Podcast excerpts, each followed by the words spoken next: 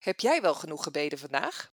Volgens onderzoek blijkt dat 74% van de jongeren vinden dat ze te weinig bidden. 88% vindt bidden moeilijk.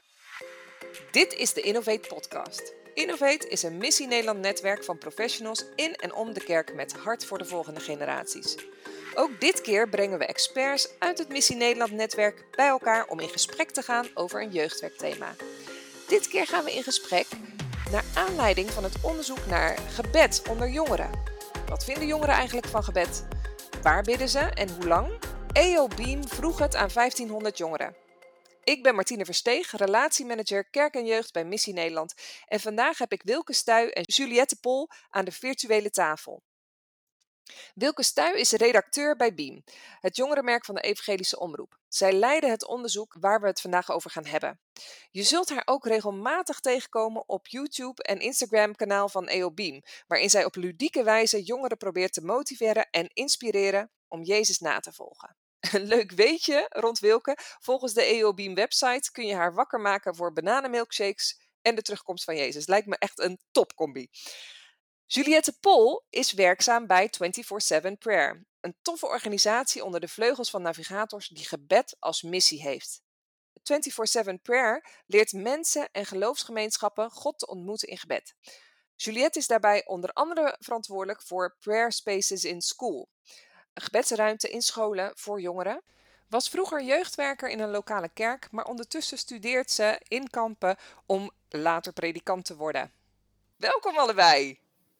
Hallo. Hey. Um, goed, we gaan het uh, dus uh, hebben over gebed. Maar ik was benieuwd, hoe keken jullie vroeger als jongeren naar gebed? Um, Wilke.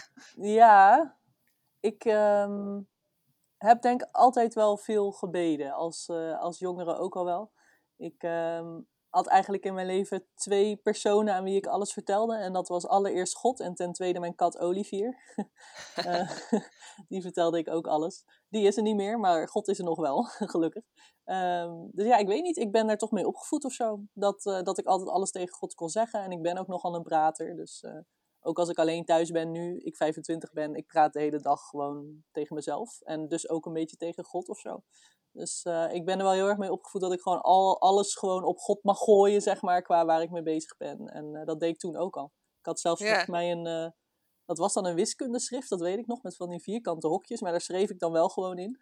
En daar schreef ik dan gebedspunten op voor mensen. Nou, nu doe ik dat niet meer, deed ik het nog maar, want ik vind het best wel een tof initiatief. Maar echt toen ik 13 was of zo, deed ik dat dan. Dan ging ik elke dag opschrijven voor wie ik dan ging bidden.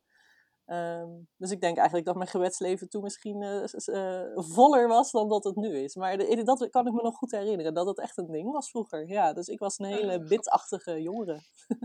en jij, Juliette? Ja, ook wel een beetje hoor. Ook wel inderdaad opgegroeid met bidden.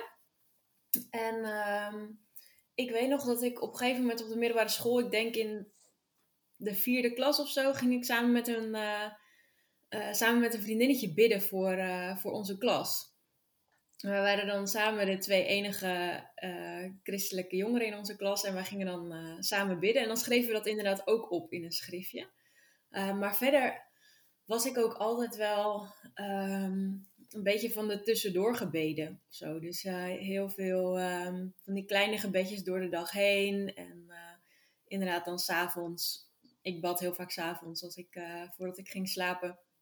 En dan bad ik voor mijn vrienden en voor dingen waar ik me druk over maakte. Of, uh... ja. Oh, wat waren jullie braaf. Ik durf bijna niet te vertellen hoe ik was. toch maar. Vertel toch maar. Ja, ja nou, ik moet heel eerlijk zeggen, zeker als tiener. Ik, was, uh, ik had helemaal niet zoveel met... Uh, er, er, erg, hè? Ik ben domineesdochter. Goed om er even bij te noemen. Dus je zou het anders verwachten. Maar ik had echt helemaal niks met kerk en geloof. lekker aan het rebelleren, zeg maar. Um, uh, dus gebed was heel erg, het zat wel in ons gezin, in, in de routines, maar ik had het totaal me nooit eigen gemaakt. En voor mij was, kwam dat echt pas veel later. Dus, uh, uh, en, en, maar wel ook met pieken en dalen, moet ik heel eerlijk zeggen. Want ik heb ook wel momenten gehad, dan ging ik naar een conferentie en dan was ik weer helemaal halleluja in de Heer. en dan was mijn gebedsleven ook weer helemaal, nou ja, dat hield ik dan een week vol of zo. En dan was ik weer lekker dwars en... Nee. Ja, Dus wel grappig, want ik vond, we, hebben, gaan het vandaag hebben over het onderzoek wat jullie bij EO Beam uh, hebben gedaan. En dus ik, ik, ik vind het ook wel leuk om jullie verhalen te horen over toen jullie jong waren. En, en ik herkende zelf ook best wel wat in, in de resultaten die er naar boven kwamen. Dus in dat opzicht denk ik dat het niet eens zozeer iets is van deze generatie, maar misschien ook wel heel erg passend bij jongeren, gewoon als zich, van hoe ze met gebed omgaan. Maar ik ben in eerste instantie heel benieuwd, Wilke, um, ja, wat was de aanleiding voor het onderzoek? Ja, het is, ja, als je bij Beam werkt, Beam is natuurlijk het jongerenwerk van de EO, dus onze doelgroep, dat zijn christelijke jongeren. En dan moet je eigenlijk iets met bidden en Bijbel lezen. En ik werk er intussen vier jaar. En als je dan al vier jaar lang elk jaar dingen probeert te bedenken met bidden en Bijbel lezen, dat je daar artikelen over maakt, video's over maakt. Op een gegeven moment denk je soms een beetje van, ja, wat moeten we er nou nog over zeggen of zo? Want ja, uh, bidden en Bijbel lezen, het voelt allemaal gewoon als een soort standaard onderwerp. Um, en de Week van Gebed kwam er ook weer aan. En wij vinden dat altijd leuk om bij aan te sluiten, omdat we het wel een belangrijk onderwerp vinden. En toen dachten we, weet je wat, we beginnen gewoon bij nul. We doen gewoon alsof we er niks van weten. En we gaan gewoon jongeren vragen, hey, hoe zit het nou bij jullie? En dan kunnen we als mediamakers zeg maar, aan de hand van de resultaten kijken van, hé, hey, maar waar, uh, waar zitten dan de moeilijkheden? En waar zitten juist de, de mooie kanten van gebed en hoe doen jongeren dat eigenlijk? Uh, doen ze dat überhaupt? Uh, en wat vinden ze er dan van? Dus eigenlijk was het ook om voor onszelf weer een ja, soort frisse blik te krijgen op een onderwerp wat toch soms een beetje uitgekoud voelt in de christelijke wereld, maar echt erover praten en echt uh, delen hoe je dan bidt of, of hoe je je daar dan bij voelt, dat, dat zie ik dan weer niet zo, ver voor, niet zo veel voorbij komen. Um, ja, dus dat was een beetje de reden eigenlijk. We waren wel gewoon heel, heel benieuwd. Ja, en, kun je iets vertellen over, want uh, wat, hoeveel uh, respondenten waren er? wat, voor, uh, wat, wat voor jongeren hebben er gereageerd?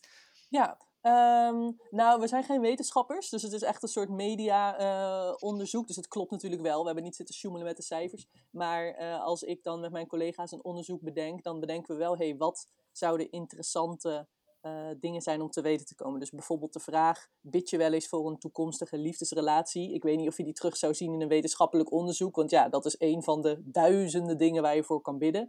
Maar dat is dan iets waarvan wij denken: dat vinden wij interessant. Volgens mij leest dat onder onze doelgroep. Mhm. Dus op die manier stellen we onze vragen. Uh, en we zetten al die vragen, dus die vragenlijst zetten we uit, ja, eigenlijk gewoon onder onze volgers, want dat boeit ons het meest. Wat onze tieners, zeg maar, uh, er het, erover denken en hoe zij ermee bezig gaan. En um, ehm, 1500 eh, respondenten hebben we gehad, best wel veel.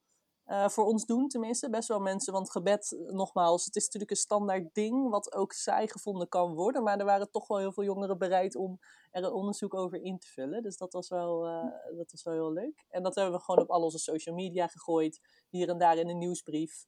Ja, website, Instagram, Facebook. Overal waar we zitten is, dat, is die vragenlijst verspreid. En hebben ja, 87% meisjes gereageerd. En, uh, en 13% jongens. Dus dat is jammer. Dat, ja, het zijn alsnog natuurlijk ook wel veel jongens, maar dat vertekent het een mm. klein beetje. Uh, maar dat is ook wel een trend die we zien, dat er gewoon meer meisjes uh, platforms zoals Beam volgen en überhaupt meer op social media zitten. Um, maar dat, uh, ja, dat een beetje over, de, over de, hoe dat ja. uh, in gang is gegaan. En dan krijg je heel veel resultaten binnen. En dan begint uh, het Excel-drama en moet je met alle cijfers aan de slag. ja, en wat voor leeftijd is ongeveer de gemiddelde leeftijd? Ja, um, we hebben de resultaten um, ingeschaald tussen de 13 en de 25 jaar. Maar de gemiddelde leeftijd, dus waar de meeste jongeren uh, die het hebben ingevuld, hoe oud zijn zijn, dat is 16 jaar. Dus uh, eigenlijk 16, 17 en 18 jaar, dat is uh, de grootste groep. En dat was eigenlijk ook wel precies waar we het meest benieuwd naar waren. Dus dat, dat was goed. Ja, kijk. Ja, hey, en Juliette, jij hebt uh, ook de onderzoeksresultaten even bestudeerd. Ja. Um, wat, wat valt jou daarin op? Welk beeld hebben jongeren van, vol, van gebed volgens jou? Ja, valt, in ieder geval vond ik heel opvallend dat dus heel veel jongeren bidden uit jullie doelgroep. Wat misschien ergens ook wel logisch is, maar um, nou ja, dat vond ik wel mooi. En ook dat best wel veel jongeren ook veel bidden. Dus um, ehm, 54% bidt meer dan één keer op een dag. Um, nou ja, dat, dat vond ik ook wel opvallend. Het is niet een soort, um, ja, heel erg sporadisch of ehm, het, gebeurt, het is gewoon best wel ingeburgerd, zeg maar. Dat vond ik wel leuk om te lezen. En ja, wat is het beeld van bidden? Dat, dat vind ik moeilijk om uit dit onderzoek te halen. Ehm, ik zie wel ergens iets van dat er veel gebeden wordt voor relaties. Dus voor uh, gezin, voor vrienden, voor inderdaad de toekomstige of uh, huidige liefdesrelaties. Um, dus dat, uh, ja, dat vond ik wel opvallend. En um, natuurlijk ook wel dat, dat heel veel jongeren gebed moeilijk vinden. Ja, ja 74% vond dat ze het te weinig vonden. Um, of ja. dat ze vonden dat ze te weinig bidden. Hè? Um, 88% vond bidden lastig. En 88, ja, lastig. Dat is eigenlijk ook wel, wel in die zin wel bijzonder. Hè? En ik denk in, in, in dat opzicht van. Um, want, want dat is wel weer leuk, Juliette. Jullie, Juliette, jullie zijn vanuit 24-7 Prayer heel erg veel bezig met, met bidden. En jij zegt van, eigenlijk vind ik dat het best wel veel al gebeden wordt. Hè? Vijf minuten uh, gemiddeld per dag. Dus dat is dan wel weer grappig. Dat, dat, dus voor mij komt dan ook wel een beetje de vraag op van, hé, hey, maar um, uh, wat is dan eigenlijk gebed en wat, wat is die standaard van wat goed en genoeg gebed is? Waar, waar, waar, is die, waar komt die? Hoe, hoe ontstaat die? Ja. ja, dat vind ik ook interessant. Ik denk dat dat. Um, ik denk dat heel veel Um, wat, ik herkende wel wat Wilke zei over dat, dat, je, dat er wel dat gebed een soort uitgekoud uh, iets is, maar dat je heel weinig maar hoort over echt inhoudelijk van hoe doe jij dat dan? Hoe bid jij dan? En wanneer doe je dat dan? En uh, waarvoor bid je dan? Dus dat het wel een soort verondersteld wordt dat er gebeden wordt, maar dat er eigenlijk maar weinig gesproken wordt over um, hoe dan en waarvoor dan en hoe pak je dat dan aan? En dat daar misschien ook wel um, die onzekerheid bij jongeren vandaan komt. Van bid ik wel goed genoeg? Bid ik wel lang genoeg? Bid ik wel vaak genoeg? Omdat er eigenlijk een beetje vaagheid omheen hangt. Ja, ja want Wilke, um, uh, jij noemde ook uh, toen we dit aan het voorbereiden waren van hey, het valt me in die zin, het ligt een beetje uh, in het verlengde ook van schaamte. Jij noemde ook van hey, dat is iets wat je opvalt. Wat, wat bedoelde je daarmee? Ja, dat er best wel. Um, ik heb natuurlijk ook uh, soort van technisch naar dit onderzoek gekeken. Dus we hadden ook wat vragen gesteld over schaamte. En ik zat met mijn collega te overleggen: gaan we nou een losse schaamtepagina in het onderzoek opnemen?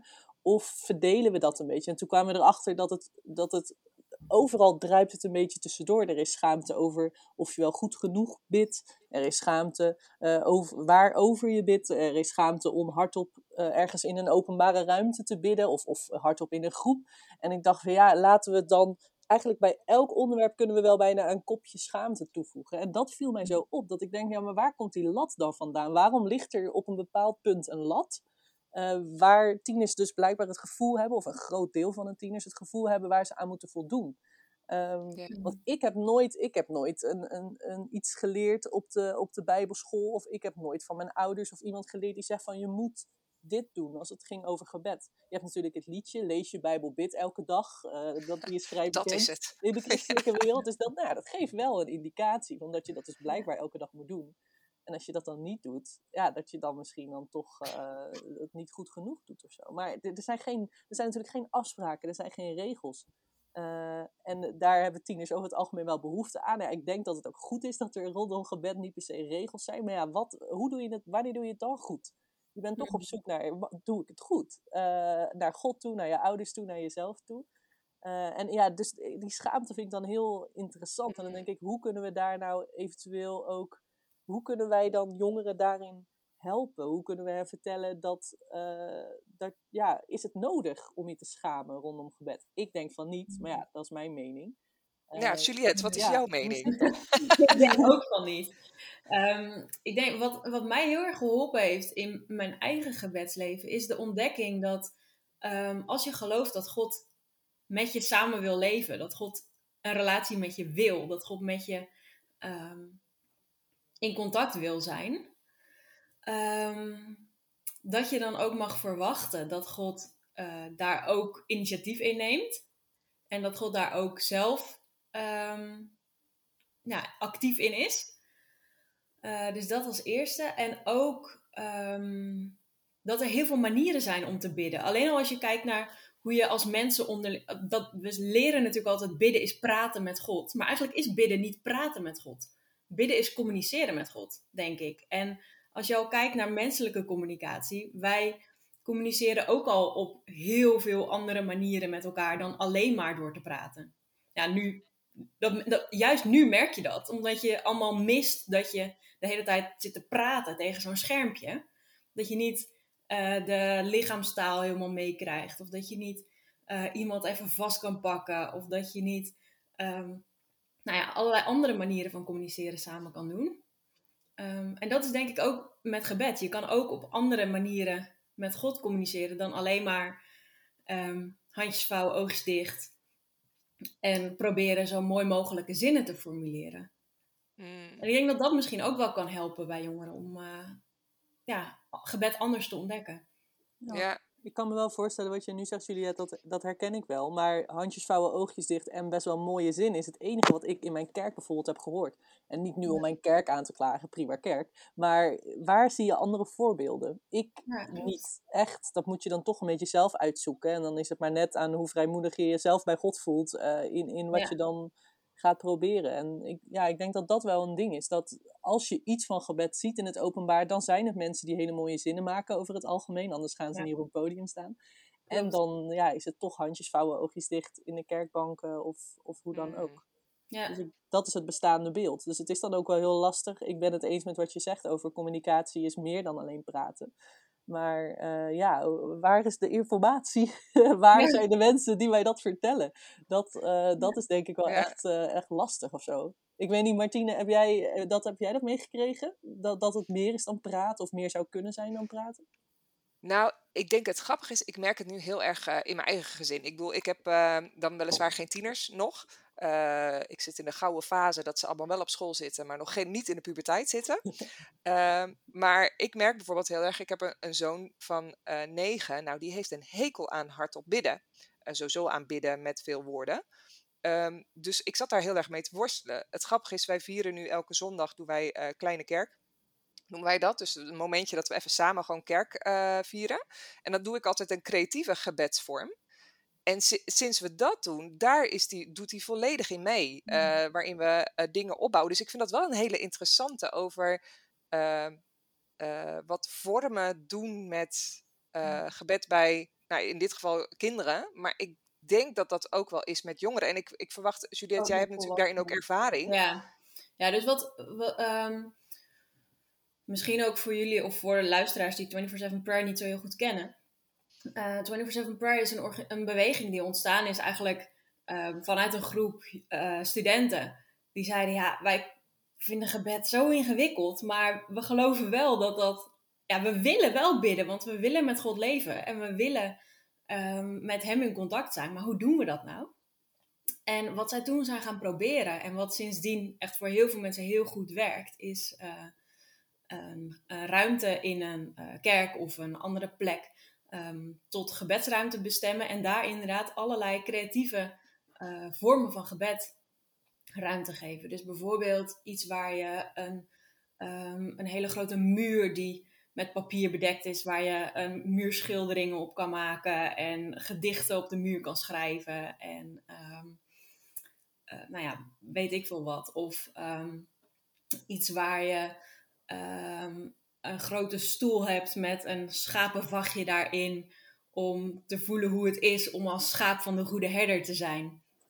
Of um, iets waar je, uh, eentje die ik ook heel leuk vind, een bolletje wol wat helemaal in de knoop zit. Waar je um, mee kan, nou ja, als je dat uit de knoop probeert te halen, dat je denkt aan een situatie die zelf in je eigen leven helemaal in de knoop zit, waar je Gods hulp bij nodig hebt. En juist die uh, creatieve vormen, die helpen mensen ontzettend om uh, met God in contact te zijn.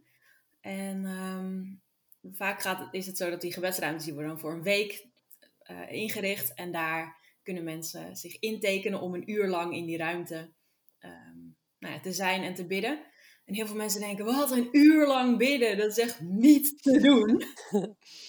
um, terwijl als je, omdat je al die ja, hulpmiddelen hebt eigenlijk om je gebed te sturen en te leiden en eh, vorm te geven, eh, is dat uur zo om. En blijken mensen dus heel makkelijk een uur met God in contact te kunnen zijn, zonder dat ze daar, ehm, ja, eigenlijk zonder dat ze dat merken. Zonder dat ze daar heel veel moeite voor moeten doen. Ja, Dus die creatieve vormen, die, die helpen wel echt. ja. Ja, dat, eh, dat merk ik ook wel inderdaad heel erg. En, en, wellicht is dat ook wel, hè? Van, ehm, ehm, de- een van de vragen die ik jullie ook wilde stellen, maar daar hebben we eigenlijk een beetje ook al meteen over. Van, hey, wat, ehm, eh, wat zegt dit onderzoek eigenlijk over hoe wij als volwassenen jongeren leren eh, over gebed? En ehm, ik hoor jullie al in die zin zeggen over van, hey, eigenlijk hebben, ehm, verwachten we een praktijk, maar hebben we het nooit over de theorie? Eh, dat aan de ene kant, maar ook van eh, welke plekken eh, creëren we voor jongeren, voor kinderen, voor tieners, eh, om te experimenteren met vormen van gebed. Ehm, en ik ben in die zin wel geïnteresseerd in, in, in of zo van, joh, hey, en wat voor gebieden zie je dan? Hè? Van, van, eh, misschien ben ik ook wel benieuwd naar Wilke of jij dat ergens herkent vanuit jullie achterban. Van, eh, eh, op wat voor manieren bidden jongeren dan in die zin? Is het inderdaad met name, heb je ergens die creativiteit teruggezien in, in het onderzoek? Nee, hebben we ook niet expliciet naar gevraagd. Dus dat kan dan ook inderdaad een soort blinde vlek van ons, eh, van ons zijn geweest. Maar wat ik wel heel veel terugzie is, eh, ze bidden bijvoorbeeld heel veel onderweg. Nou ja, dat betekent per definitie dat je niet je handen eh, sluit en je, of Nee. je je handen vouwt en je je ogen sluit, want dan val je van je fiets. Denk ik. Dus, dat, eh, dus daarin zie je al dat het niet per se op de traditionele manier op je knietjes voor je bed voordat je gaat slapen. Misschien gebeurt dat ook hoor, daar is niks mis mee natuurlijk. Maar daarin zie ik al van, ah, eh, ze zoeken andere momenten, ze zoeken andere mogelijkheden om te bidden. En wat we bijvoorbeeld bij Beam, eh is een poosje geleden alweer, maar ehm, wat ik wel eens heb gedaan, was ook helemaal nieuw voor mij, is dat ik eh, met de hulp van een aantal mensen een soort eh, gebedspodcast had gemaakt. Ehm, dus dan ging je geleid bidden.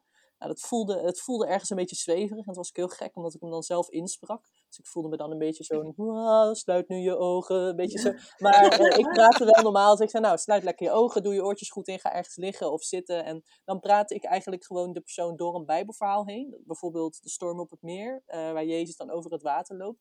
En dan zei ik gewoon, nou, eh, je ziet de golf om je heen. Zou je uit de boot stappen of zou je het niet doen? En waarom? Vertel eens aan God. En dan kon ze dat vertellen aan God. En op die manier, ik, ja, het is een beetje awkward omdat het mijn eigen stem is. Maar ik heb ze zelf een aantal keer geluisterd. Niet omdat ik mezelf zo leuk vond praten, maar omdat het mij echt hielp. Ik dacht echt, hé, hey, ehm, nu weet ik waar ik over na kan denken. En dan kan ik ook helemaal mijn eigen gang ingaan. En er viel dan elke keer ook een, een langere stilte. En dat je gewoon hardop kon praten of, of kon denken. Eh, en, en dat hielp mij best wel. Want ja, als je gewoon in je bed ligt of zit en dan ga je met God praten. Hmm, Je kan natuurlijk gewoon je agenda vertellen. Dat doe ik vaak. Nou, dit heb ik gedaan, dit. En zo voelde ik me erbij. Dat komt af en toe ook nog wel voorbij. En ja, dit was niet zo handig. Maar ja, dan stopt het ook weer of zo. Dan heb je Mm. alles wel gehad. Ehm, en dan met zo'n geleide podcast, dan hoeft het echt niet per se die van Beam te zijn, maar er zijn veel meer van dat soort hulpmiddelen. Eh, dan, dan ga je toch een stapje dieper en dan denk ik, ja, zou ik op dat water stappen of zou ik het niet doen? En waarom niet? Dat vind ik eigenlijk doodeng. En als je, dat is een heel ander gesprek wat je dan hebt met God, hmm, dan dat je eigenlijk toch je lijstje afwerkt, omdat je gewoon niet zo heel goed weet waar je het over moet hebben of zo. Dus Ja. dat, daar, eh, dat proberen wij als Beam ook wel ja, af en toe eh, iets in aan te bieden. Maar daarin zijn wij zelf als, als jonge redacteurs ook gewoon Mm. zoekende van... Hey, bij ons op de redactie is het ook, de helft vindt het prima om hardop te bidden. De andere helft die, wil het helemaal niet, die vindt het hartstikke eng. En daar is helemaal niks mis mee. Maar ook daarin zijn we allemaal heel verschillend in, in Ja. hoe comfortabel we ons daarbij voelen. En, in, eh, en ja, hoe belangrijk we, we gebed vinden.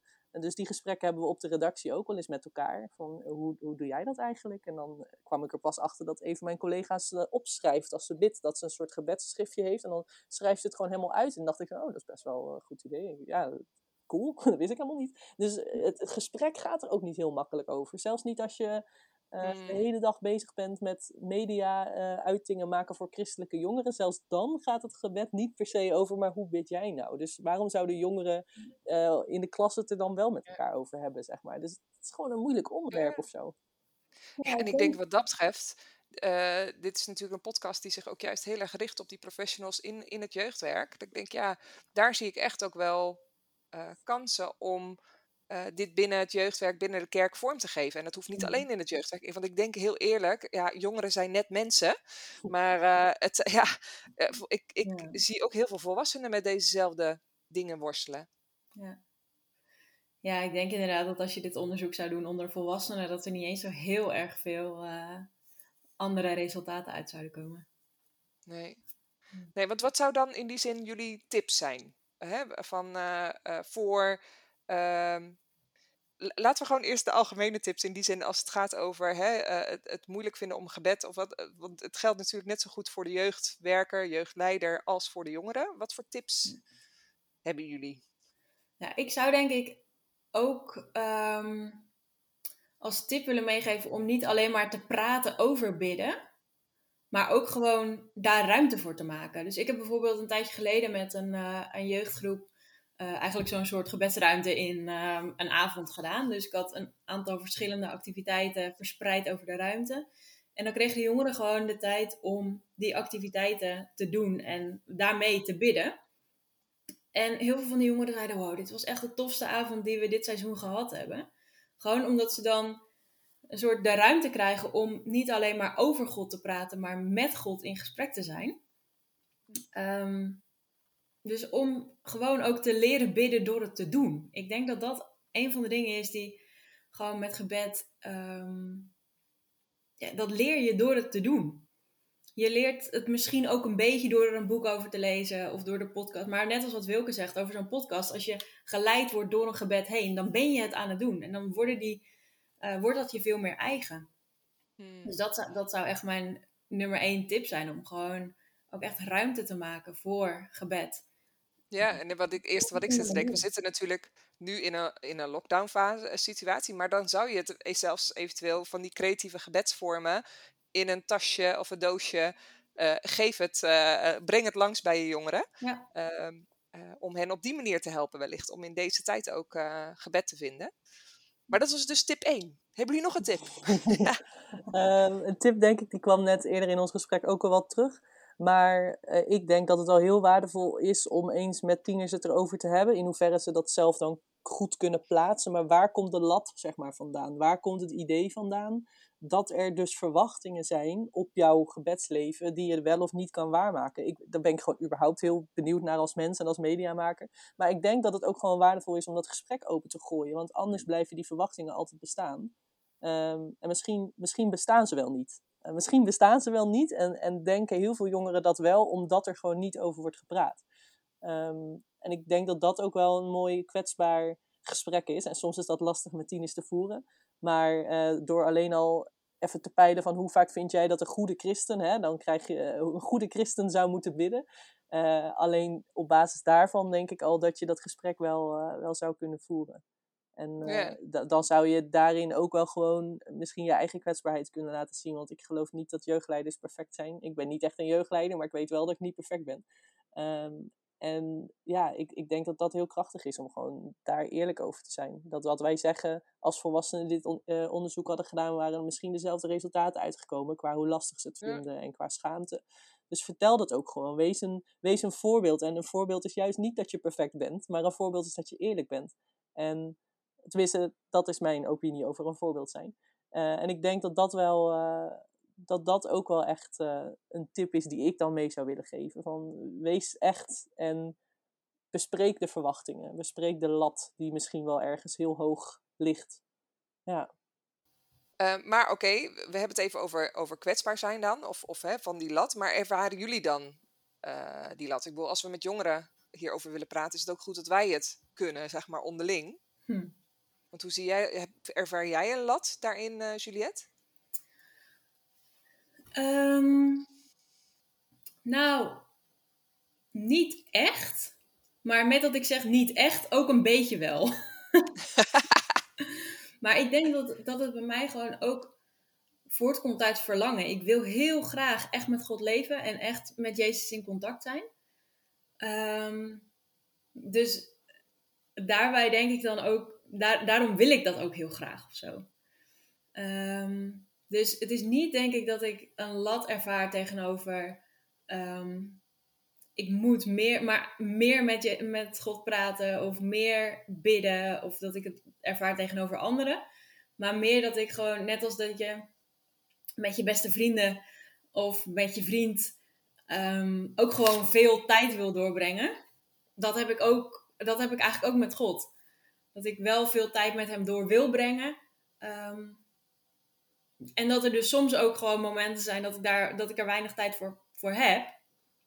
En dat knaagt dan wel een beetje. Maar dat is niet dat ik daar een lat ervaar vanuit dat God boos is op mij als ik te weinig bid. Of dat andere mensen mij een, niet een goede christen vinden of zo. Ja. Maar ik herken het in, in, in die zin uh, ook wel heel erg. Maar dat ik ook wel, als ik terugkijk, dat ik denk, oh ja, ik heb ook in mijn volwassen leven best wel mijn momenten gehad waarin ik een lat uh, had of zo. zo van, waarin ik het gevoel had dat ik niet voldeed als het ging over stille tijd nemen. En mm. hè, met name dat je inderdaad hoorde al die mensen van mensen die fantastisch elke dag dan om zes uur in bed uitgingen. Uh, om, om een half uur tot een uur stille tijd te nemen. En dat ik echt dacht, oh ja, maar dat, uh, dat kan ik helemaal niet of zo, weet je wel. En, en, en ook wel mm. in... in um, voor mij heeft het heel erg geholpen uh, om ergens ook te accepteren dat uh, het ook heel erg afhankelijk is van je levensfase. Um, dus dat ik ergens, en dat ik denk van, uh, vind ik wel mooi wat jij zei Juliette, van gebed is communicatie, maar gebed is ook een relatie. En een relatie is niet iets wat alleen maar in één dag zit, of in dat ene half uurtje. Het is het geheel en dat het soms dus ook gewoon ehm, eh, in de tijd dat mijn kinderen jong waren, kwam ik er gewoon echt bijna niet aan toe om gewoon echt stille tijd te nemen en om echt God te zoeken. En was het veel meer tussendoor. En toen dacht ik, ja, maar God snapt dat, want God heeft de mens zo bedacht of zo. Dus eh, in die ontspannenheid, maar dat, dat is volgens mij wel een ontspannenheid die je steeds weer moet zoeken of zo in, in gebed. Van, maar wacht even, wie legt eigenlijk hier de lat? Uh, hmm. en vermoedelijk is het dan jezelf die die lat legt. Uh, want God snapt ook wel dat wanneer je uh, heel druk hebt of wanneer in een situatie zit, hè, dat, dat dan soms ook moeilijk kan zijn. Dus dat het niet altijd even makkelijk gaat. Ja, en juist ook denk ik van wat, um, wat we soms schietgebedjes noemen. Um, dat heeft een beetje zo'n soort. Ik weet niet of jullie dat ook hebben, maar bij mij heeft dat zo'n beetje zo'n bijklank van als je alleen maar schietgebedjes doet, dan bid je niet echt, want dan doe je alleen maar schietgebedjes. Um, maar eigenlijk vind ik dat als je um, schietgebedjes betekent dat je door de dag heen op elk momentje er bewust van bent, God is hierbij. En um, God is hier aanspreekbaar. En dat, dat zegt eigenlijk heel veel over, nou ja, wat in de Bijbel ook staat over bid onophoudelijk. Eigenlijk vind ik schietgebedjes echt een voorbeeld van onophoudelijk bidden. Dat je dus gewoon elke keer bewust bent, God is aanspreekbaar. God is betrokken bij mijn leven. God um, heeft hier, wil hier iets te maken mee hebben. Ja. Hey, en we hadden verder nog met tips. We hebben uh, al, ondertussen dwaalde alweer een beetje af. Maar zijn er nog andere tips? Want we moeten gaan afronden. maar uh, uh, misschien nog een paar laatste dingen dat je denkt, oh ja, maar dit moeten we echt nog even noemen. Ja, ik zou echt die, um, die creatieve manieren van gebed zou ik echt um, ook als jeugdleiders gewoon onderzoeken met je jeugdgroep. Kijken van kunnen we nu gewoon een avond ehm, de tijd nemen voor, voor gebed en dat uh, op andere manieren proberen. En ook wat, wat ik ook nog opvallend vond uit het onderzoek was, dat zullen jullie misschien niet gevraagd hebben Wilke, maar voor heel veel mensen is muziek ook echt een manier om met God in gesprek te zijn. Um, dus als je, ja, gebed en aanbidding zijn niet twee losse dingen. Dat zit, dat zit echt zo dicht tegen elkaar aan. Um, dus nou, kijk of je dat ook bij elkaar kan brengen. Ja. Wilke, jij nog laatste wijze woorden? Oeh, dan moeten ze ook gelijk wijs zijn. um, ik denk uh, dat het tof is en dat het ook heel moeilijk is om als christen, als jongere, uh, te beseffen wat genade precies is. Uh, want het is natuurlijk een heel gek concept, wat ook niet heel erg in de maatschappij zit of zo. Van je krijgt gewoon iets wat je niet verdient hier, je hoeft er niks voor te doen. Dat gebeurt natuurlijk nooit in mijn hele leven niet, behalve dan bij God. Um, maar ik denk, kijk, we bidden natuurlijk nooit genoeg. Dat, dat durf ik best wel te stellen. En misschien voelen heel veel jongeren die druk, maar ik, ja, maar ja, je kan natuurlijk altijd meer praten met God. Maar ik denk dat juist in die wetenschap dat je eigenlijk nooit genoeg bidt en dat iedereen dat wel voelt, dat daar juist ook een beetje de genade van God zichtbaar wordt. En dat is misschien heel abstract voor jongeren. Dus ik ben heel benieuwd hoe, uh, als je zoiets dan vertelt of, of vraagt, wat er dan uitkomt. Maar uh, voor mij is dat wel echt zo. Dat elke keer als ik weer bid en als ik me dan ergens schuldig over voel, dan mag je dat gewoon bij God neerleggen. En dan kan je ook bedenken dat u nog steeds zo onmetelijk veel van mij houdt als dat in de Bijbel staat. Dat is het bewijs van hoeveel genade er voor me is en hoeveel u echt van mij houdt. Dat ook als ik dus niet vaak bid, ook als ik niet goed bid, dat u er wel bent en dat u nog net zoveel van mij houdt. Dus dat je het eigenlijk ook dat soort met een omdenken manier juist kan ervaren als heel veel liefde in plaats van als schaamte. Uh, Omdat wij die genade hebben in plaats van een oordeel, in plaats van um, ja, een lat die we moeten halen voordat we zijn geslaagd. Of, dat, dat is het niet. Het, het genade is het ding, Jezus is het ding. Um, en dat is een heel erg, dat, dat zoom je best wel uit. En dat is best wel het concept van het christendom natuurlijk. Maar ik denk dat dat wel heel tof is om, uh, om het daar ook over te hebben. Dat, um, dat, we, dat we misschien ook juist in die gebrokenheid, in dat we, we doen het niet goed genoeg, dat we daar misschien ook wel iets heel moois in kunnen vinden. Um, heel, heel wazig, maar dat is ook nog een soort van tip. ja. Mooi. Amen. Ik vind dat een mooie om uh, mee af te, af te sluiten heel erg bedankt voor jullie uh, voor je input en uh, voor dit ontzettend mooie gesprek. Uh, en ja, ik, ik hoop jullie nog eens een keertje hier op de Innovate podcast te mogen spreken. Leuk, hey, bedankt. Dit was het alweer voor deze Innovate podcast. Aangezien we het over gebed hadden, vind ik het wel heel leuk om een nieuwtje met jullie te delen. En jullie zijn de eerste die ervan horen. Het is nog nergens gepubliceerd. Maar New Wine lanceert samen met Youth for Christ binnenkort de Ministry Jongerencursus. De Ministry cursus van New Wine ken je misschien al wel, maar uh, er komt dus nu ook eentje speciaal gericht op ministrygebed met en voor jongeren. Deze en heel veel andere tips over gebed en jeugd uit het Missie Nederland netwerk vind je op onze website www.missienederland.nl/innovatepodcast. Daar vind je ook de link naar het onderzoek van Beam en ook de andere dingen die we genoemd hebben in deze podcast zul je daar terugvinden. Wil je trouwens op de hoogte blijven van alle nieuwtjes op het gebied van professioneel jeugdwerk? Meld je dan aan voor de Innovate nieuwsbrief. Zo weet je elke maand wat de nieuwste materialen en events zijn in jeugdwerkland. Vind meer informatie op www.missienederland.nl/innovate. En onthoud, Innovate is I-N-N-O-V met dan een 8. Hier vind je meer informatie over het Innovate-netwerk, maar ook kun je onderaan inschrijven voor de Innovate nieuwsbrief. Vond je deze podcast waardevol? Geef hem dan een ranking en deel het met anderen. Zo bewegen we samen de kerk voor gebed en voor de volgende generaties. Tot de volgende podcast!